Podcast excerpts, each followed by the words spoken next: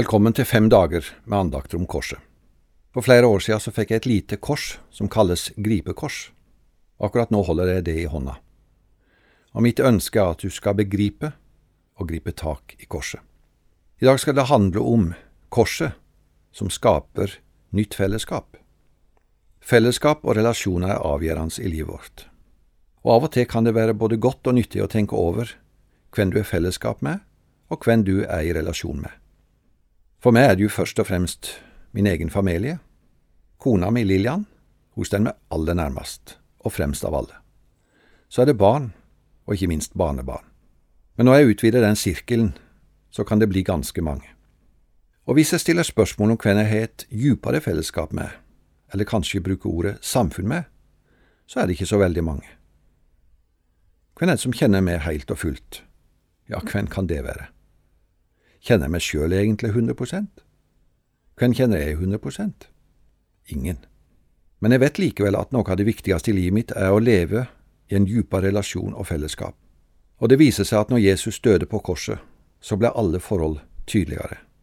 Hvem som sto nær og nærmest han, hvem som var på avstand, og hvem som snudde ryggen til han. Og jeg vil så gjerne at korset skal vise deg inn i et djupere fellesskap, først og fremst med Jesus, og så med mennesker. Når Jesus gikk veien til korset, så møtte han mer og mer motstand, og det blei mer og mer krevende for de som var rundt Jesus å være sammen med han. La oss se på de som sto han veldig nær, og som alle svikta han. Vi vet at Jesus hadde tolv unge gutter som disipler. De hadde fulgt han ifra Galilea i tre år. Og Jesus han visste hva som bodde i hjertet på hver enkelt av dem. Og det var ikke bare bra ting. Forresten ganske skummelt at han visste alt. På kvelden da Jesus ble tatt til fange i Getsemane, så skulle det vise seg at Jesus hadde hatt rett. Det var ikke så mye å stole på. Skulle ikke kunne ha klart seg litt bedre. De svikta Jesus. Men Jesus svikta ikke. Og Jesus viser at gjennom korset så er det to store hemmeligheter til fellesskap. At jeg er ærlig, og at jeg kan tilgi og ta imot tilgivelse. For etter at Jesus er død og han stått opp igjen, så samles den samme disippelflokken, unntatt én, rundt Jesus, og det er som en ny flokk. De er ærlige, og de tar imot tilgivelsen og tilgir hverandre. Det er ingen fellesskap, om det er i ekteskap eller i menighet, eller i vennskap, som er fullkomne. Jeg har iallfall aldri til dags dato vært inn i slike sammenhenger.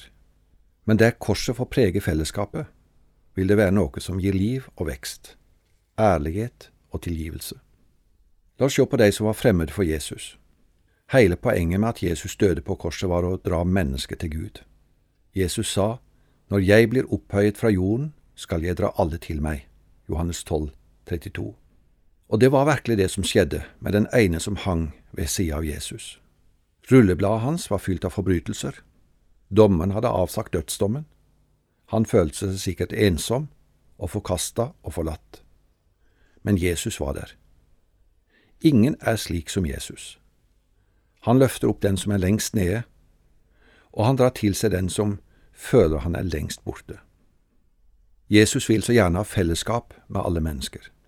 Vi kunne jo ha tenkt at Jesus hadde nok med seg sjøl og sin egen smerte på korset. Men han ga den ene røveren en velkomst inn i det himmelske fellesskap ved å si, Sannelig sier jeg deg, i dag skal du være med meg i paradis. Lukas 23 og vers 43. Han hadde ingen venner igjen på jord. Nå ble Jesus hans beste venn. Og han skulle ikke bare inn i paradis, men der skulle han være sammen med Jesus. Ved Jesu kors sto også hans mor og den ene disippelen Johannes.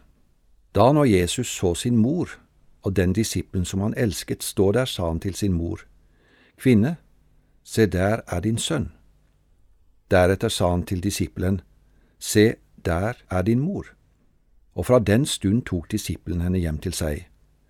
Johannes 19, vers 26–27. Jesus oppretter noen nye relasjoner som ikke hadde vært der før. Og det skjer stadig slike under når mennesker får bli kjent med Jesus og det han gjorde på korset. Da knyttes det nye forbindelser. Det blir kjærlighet, og det utløser en omsorg som ikke har vært der før. Det var noen som ble stående utafor fellesskapet fordi de valgte en annen vei. Og det skapes faktisk et skille der mennesker søker inn i et fellesskap rundt Jesus.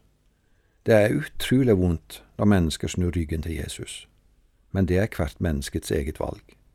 Det er desto så mye mer gledelig når mennesker søker inn i fellesskapet rundt Jesus. Det er et herlig fellesskap av mennesker som har Jesus som sentrum.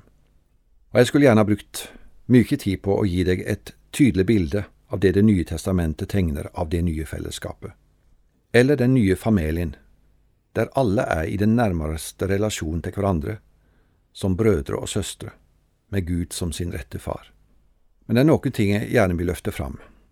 Den flokken har egentlig ingenting å skjule. For de vet at fellesskapet blir ødelagt om noe holdes tilbake i mørket. Apostelen Johannes, han som sto inne ved korset, han sier det slik, dersom vi sier vi har samfunn med ham, men vandrer i mørket, da lyver vi og gjør ikke sannheten. Første Johannes brev, kapittel 1 og vers 6. Du kan ikke feike det kristne fellesskap. Derfor er det så rett og riktig å ha synsbekjennelse når vi kommer sammen. Det er en konstatering av fakta. Det er å si det slik som det er. Men vi stopper ikke i fellesskap med å si at vi er syndere, for Johannes fortsetter.